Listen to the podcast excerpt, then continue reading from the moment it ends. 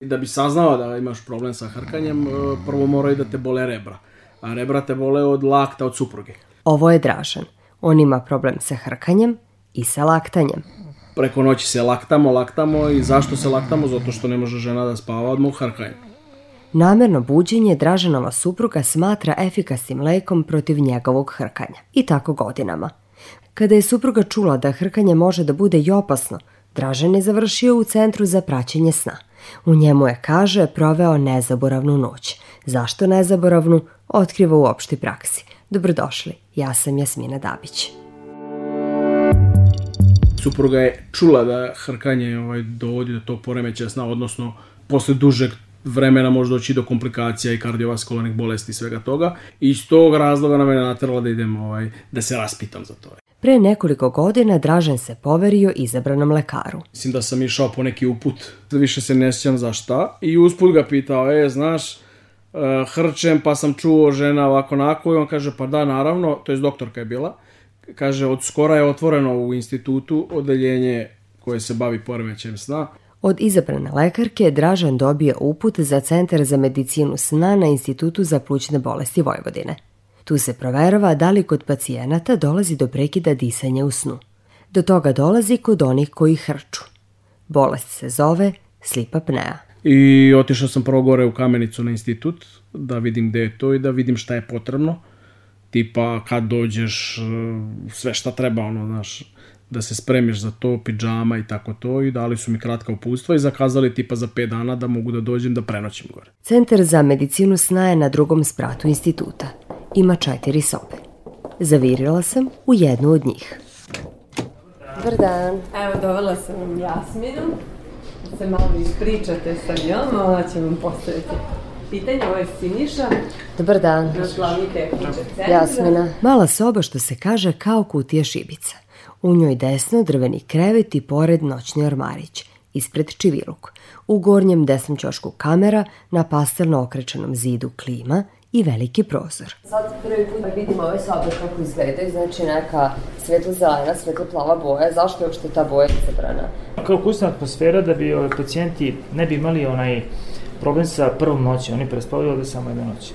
Da ne bi imali averziju, da ne liči ništa na bolnicu, ove šanke kao kad ste u kafani, treba se ponašati opušteno, da zaspite prirodnim snom, a ne da budete u nekom vrču. Za pultom koji podsjeća na kafanski šank sede tehničari. Samo oni ne služe piće svojim gostima, nego pomno prate na ekranima šta pacijenti rade noću po sobama. Tokom noći radimo čistu diagnostiku da vidimo da li prestaje da diše, da li ima hipopne, da li ima neki drugi poremećaj spavanja. U dijapazonu tih nekih 87 poremećaja može da ima neki, ne mora da ima. Pacijent odlazi na spavanje do 8 uveče, kako bi se pripremio za postavljanje uređaja za kontrolu spavanja, pojašnjava Branislava, jedna od sinišinih koleginica koja to radi. To onda može da traje i dobrih sat vremena, pošto moramo dobro da očistimo teme glave, da dobro fiksiramo elektrode, da to ne bi spalo toku noći. U sobi je mrak. Pacijent samo što nije zaspao. Kroz 28 kablova informacija o manama i prednostima sna se očitava u kontrolnoj sobi. Puno žičica, kablova, međutim pacijent ima komociju da se okrene i na jedan i na drugi bok.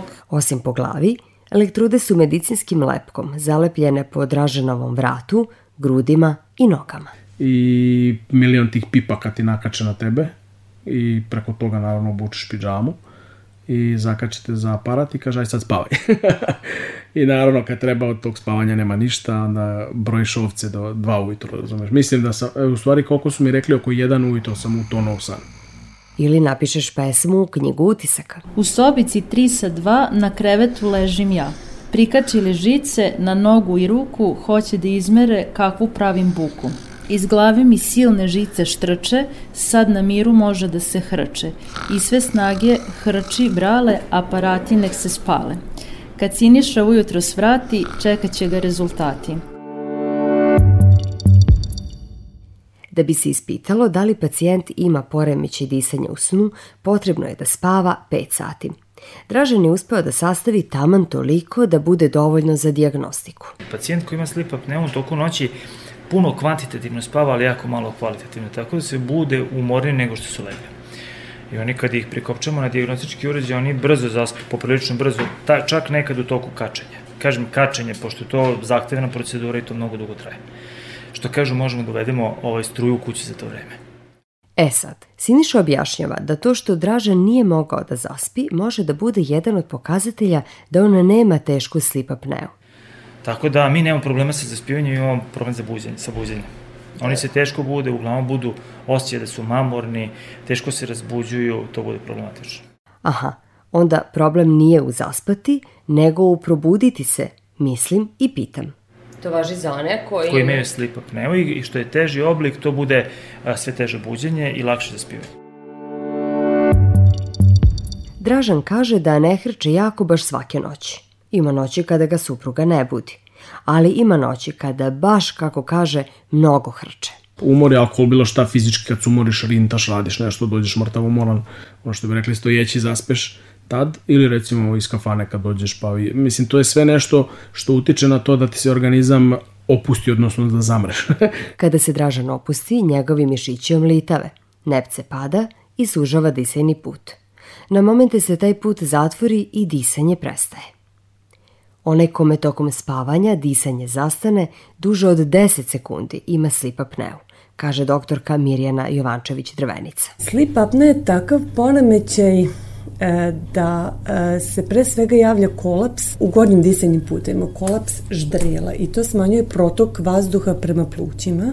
Ko to gleda sa strane vidi osobu koja hrče.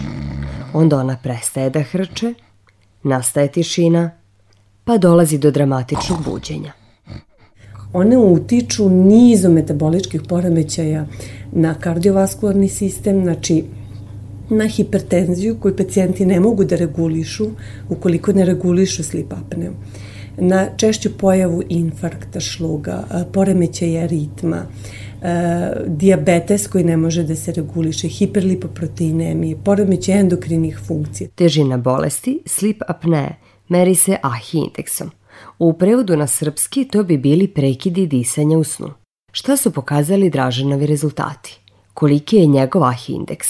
O, I onda oni to mere u toku sna koliko ti imaš buđenja tih da bi prodisao, da bi ovako, na, na kraju mi je rekla da nisam bio ni glasan mnogo što se tiče hrkanja i oni su dali tu ocenu 10. To znači da se Dražan 10 puta budi u satu.